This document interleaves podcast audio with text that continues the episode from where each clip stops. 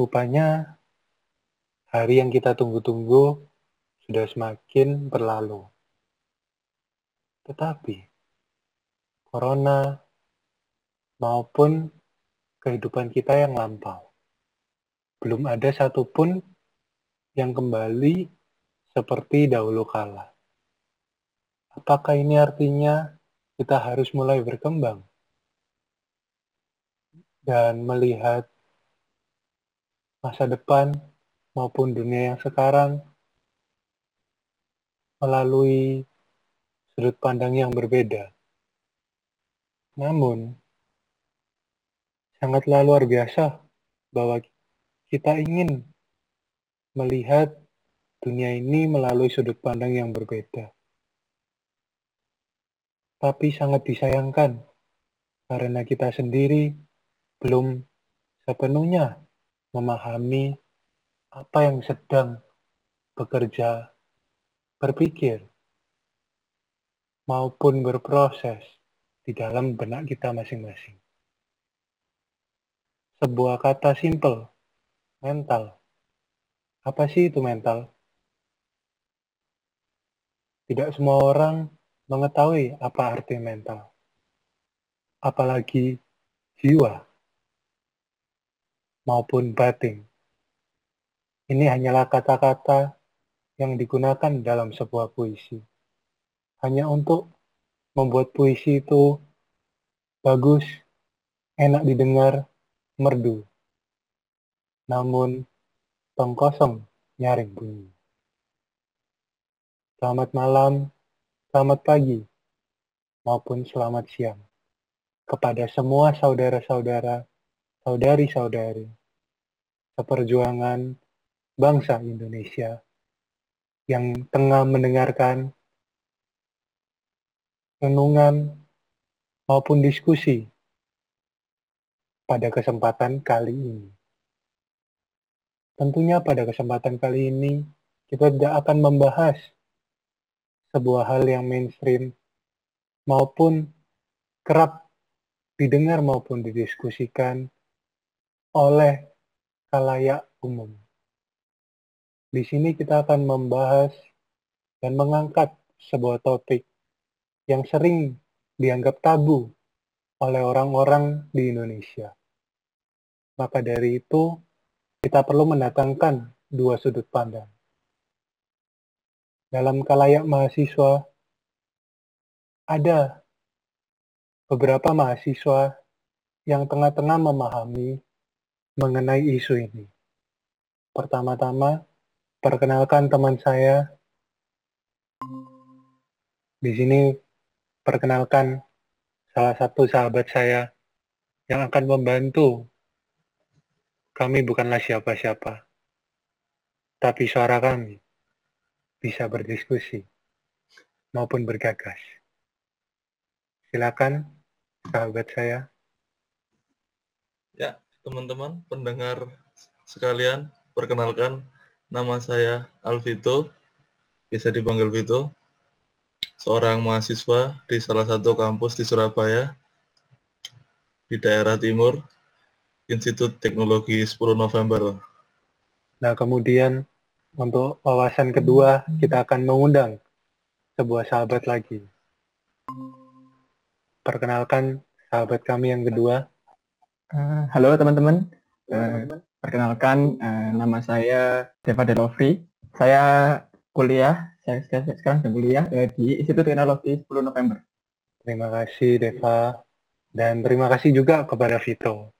Karena pada kesempatan kali ini, kalian berdua ingin membantu kalayak umum maupun mahasiswa di Nusantara ini untuk sedikit lebih memahami mengenai isu mental.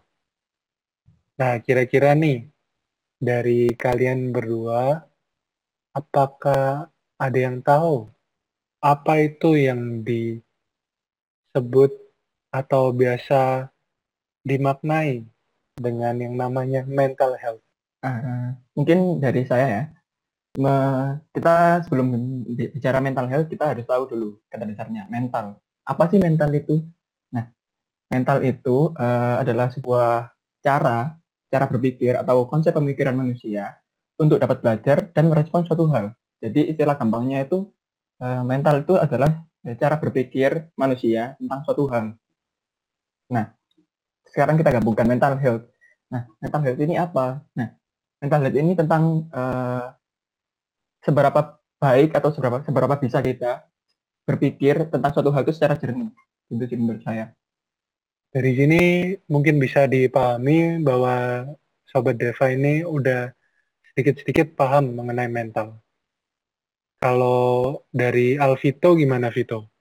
Saya sendiri sih sering juga mendengar masalah tentang kesehatan mental. Tapi tentang apa itu kata uh, pengertian secara harfiahnya, saya juga agak kurang. Mungkin yang saya tahu mental itu lebih ke seperti kayak batin gitu uh, apa ya lebih jatuhnya kayak ke sebuah pikiran gitu loh yang biasanya kalau kesehatan mental itu biasanya terpengaruh sama peristiwa-peristiwa atau kehidupan-kehidupan di sekitar kita yang nantinya itu bisa meninggalkan dampak yang besar gitu terhadap kepribadian atau perilaku seseorang.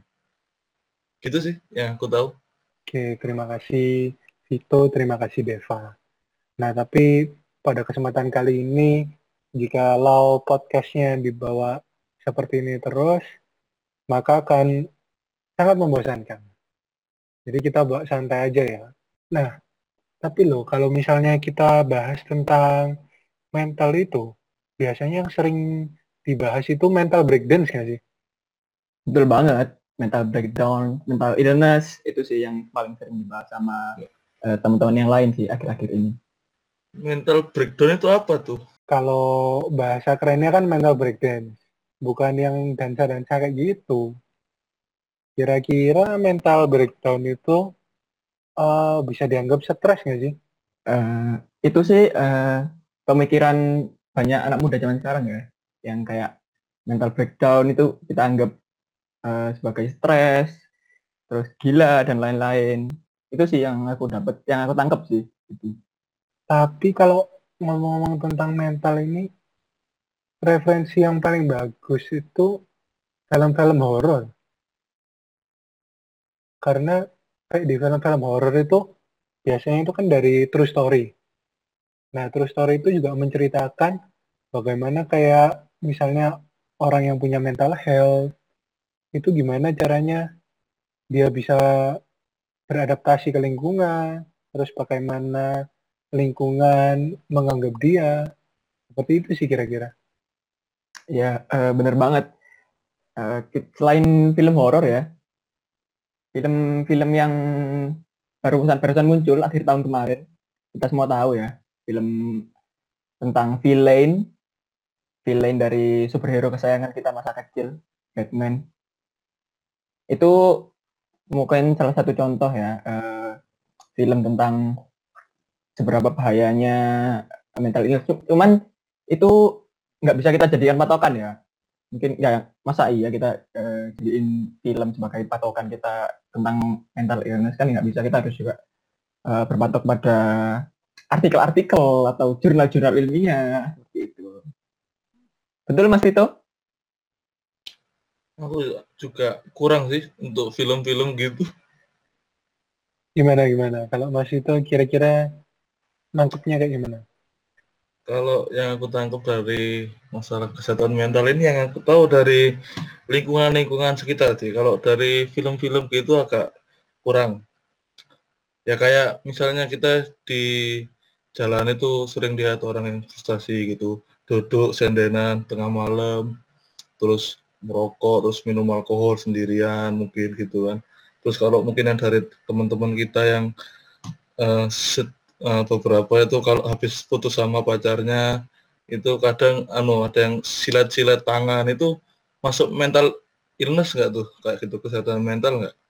Kalau menurutku sih kayak gitu bisa jadi ya kesehatan mental karena mereka nggak tahu gimana caranya mengalirkan emosinya gitu. Nah yang krusial ini biasanya kan apalagi laki-laki ya dikira itu kalau laki-laki nangis itu cemen Padahal nangis itu salah satu cara untuk mengalurkan atau mengeluarkan emosi. Justru dengan menangis itu kayak stres dan lain-lain tuh hilang. Nah, cuman kayak dianggap tabu gitu mungkin ya. Uh, betul banget. Mungkin kalau misalnya dari kita uh, cowok-cowok ya, mungkin kalau misalnya kita nangis gitu, pasti di istilahnya apa ya, diceng-cengin lah. Ih apa sih cowok kok nangis? Cowok kok ini itu gitu. Kan harus kuat. Padahal kan itu merupakan sebuah pemikiran yang salah gitu Mungkin menangis kan nggak nggak mengenal gender. Menangis kan bisa dilakukan semua orang cewek cowok umum bisa, bisa juga bisa menangis karena menangis kan suatu cara suatu mekanisme untuk uh, meluapkan perasaan yang ada di dalam pikiran kita kan gitu. Tapi apa mesti kalau menangis itu selalu menunjukkan bahwa ada yang tidak benar dengan mental kita gitu? Apakah menangis itu bisa uh, dijadikan patokan oh kalau orang ini menangis ini mentalnya ada yang nggak benar nih gitu? Kalau dibilang itu menandakan kita punya mental illness itu uh, nggak juga loh. Soalnya ketika orang nangis itu, dia itu lagi mengalami kayak gejolak emosi gitu. Terus dengan menangis, itu dia meluapkan emosi. Gimana gimana kalau menurut Deva? Nah, kalau menurutku sih sekarang ini banyak ini ya, banyak teman-teman orang-orang yang dia kayak mengalami sesuatu, terus dia tuh kayak self claim gitu loh. Self claim kalau, oh, aku aku kayak gini nih, berarti aku kayak mental illness ini ya, mental illness itu ya. Nah itu mungkin seperti itu kak. Uh, self self diagnose itu itu ini, ini sih nggak perlu banget sih. Maksudnya nggak boleh banget kan. Uh, kita juga nggak nggak punya ilmu lebih di bidang tersebut. Kita juga cuma merasakan gejala-gejala awal. Nah, itu banyak banget yang kayak self claim, self diagnose gitu. Nah, menurutku sih mendingan kalau kita udah merasakan kayak gangguan-gangguan tersebut, uh, mending langsung aja kita ke apa? periksain diri ke yang ahlinya kayak misalnya psikolog atau psikiater gitu-gitu sih. Tapi berarti kalau secara umum gitu uh, wawasannya tentang mental illness ini sudah ada ya? kalau di kalangan kalian masing-masing?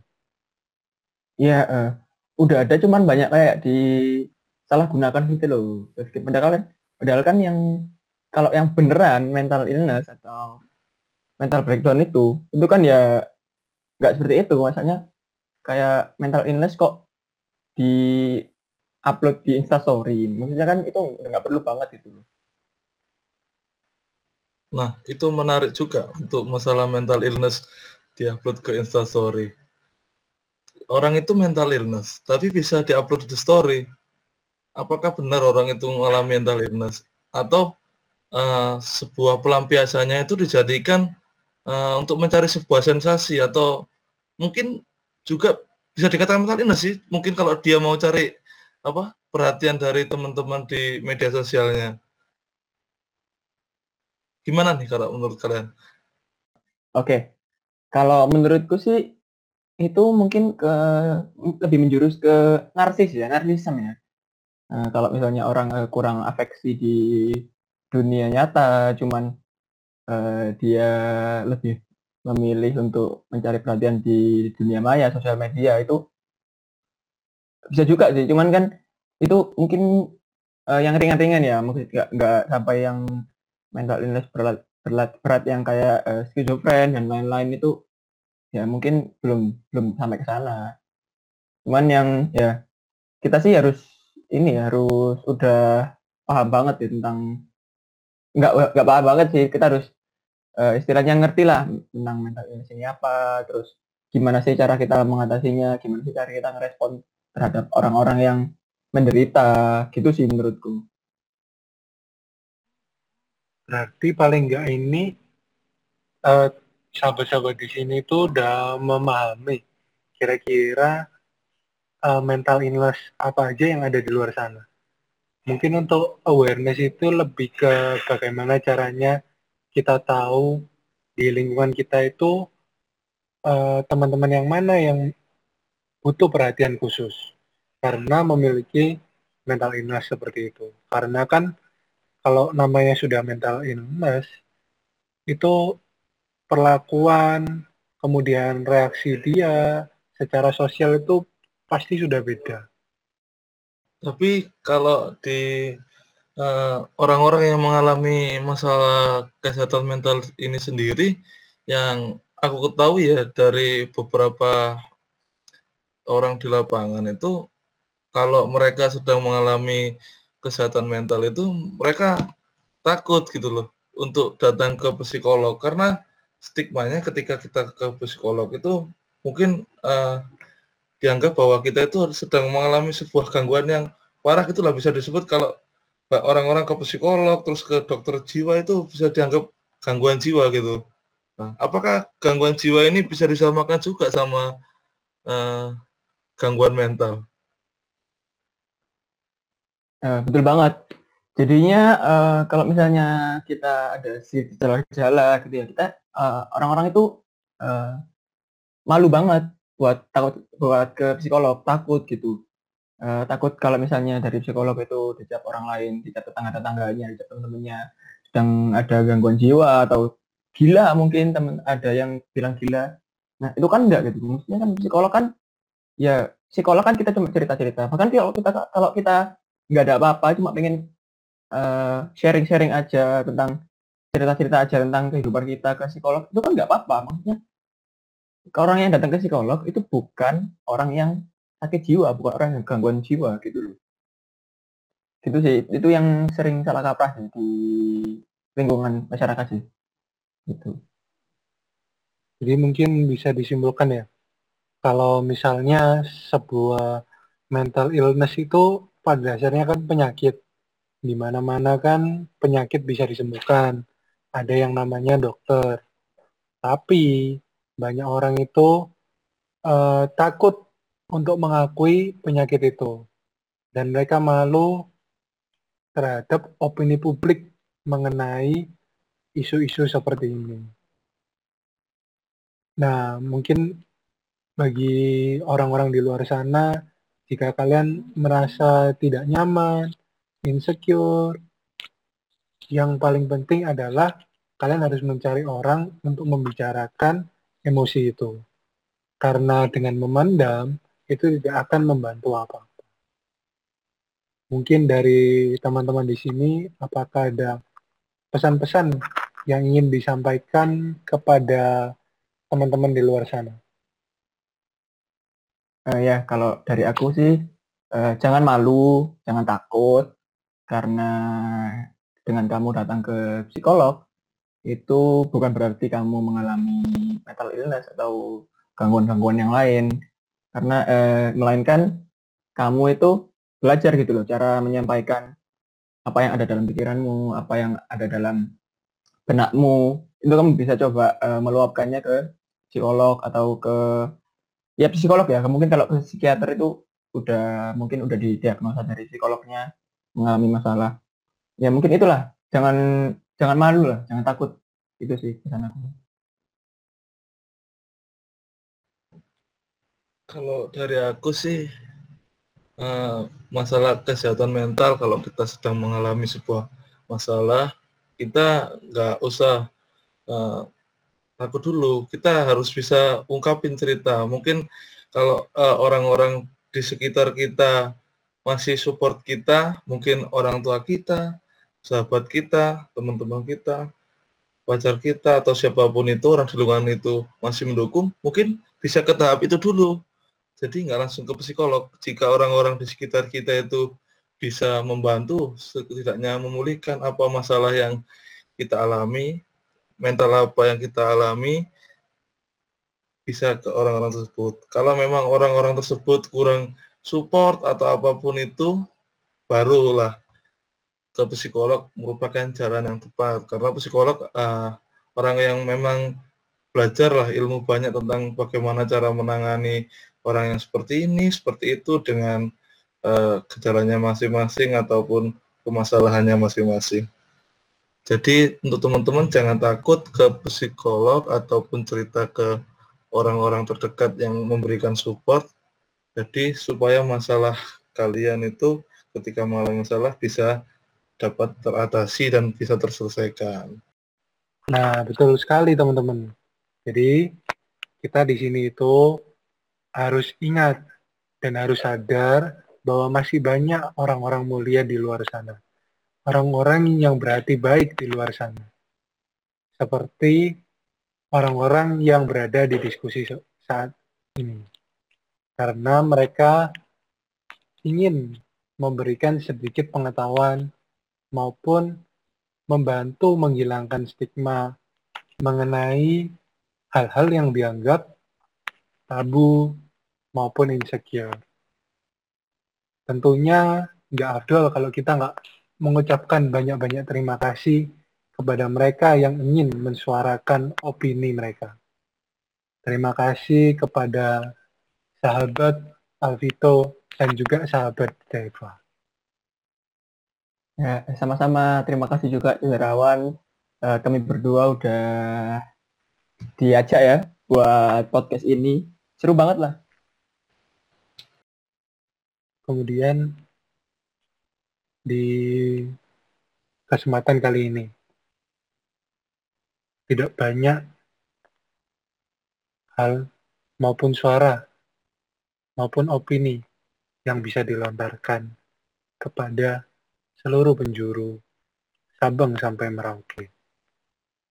Di sini kami hanya merupakan segelintir api kecil yang ingin berusaha membuat sebuah stigma buruk menjadi tren yang baik. Semoga dengan percikan api kecil ini, kami, mahasiswa, maupun pemuda-pemudi bangsa Indonesia bisa menyebarkan kebaikan maupun terangnya sebuah mercusuar di dalam kegelapan masa globalisasi ini. Di dalam kegelapan masa globalisasi ini. Sekian, saya ucapkan banyak terima kasih dan saya pamit undur diri.